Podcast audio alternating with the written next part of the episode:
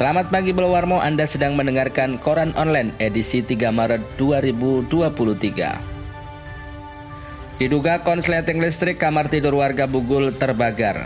Kebakaran terjadi di Kelurahan Kerampiangan, Kecamatan Bugul Kidul, Kota Pasuruan, Kamis kemarin. Kali ini kamar tidur warga hangus dilalap si jago merah. Samsul Hadi, Kepala Pelaksana BPBD Kota Pasuruan mengatakan peristiwa itu terjadi sekitar pukul 6 pagi di rumah Murtazo yang berada di Jalan Sultan Agung, Kerampiangan, Bugul Kidul.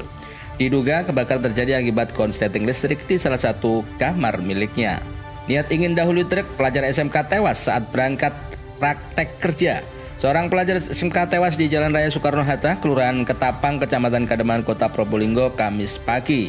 Pelajar nasi itu bernama Hamdan Julfa, 17 tahun asal desa Pesisir, Kecamatan Sumberasi, Kabupaten Probolinggo. Ia tercatat sebagai siswa SMK Ayani, Kota Probolinggo yang tengah menjalankan praktek kerja lapangan. Untuk petugas Ulu-Ulu Bayu dipecat PJKdes Sidodadi dituntut mundur. Ratusan warga desa Sidoda di Kecamatan Pedon, Kabupaten Probolinggo berunjuk rasa di kantor kecamatan setempat akibat adanya pemecatan terhadap petugas ulu-ulu banyu. Mbak-mbak Tretes dapat bingkisan mukena dari Gus Miftah.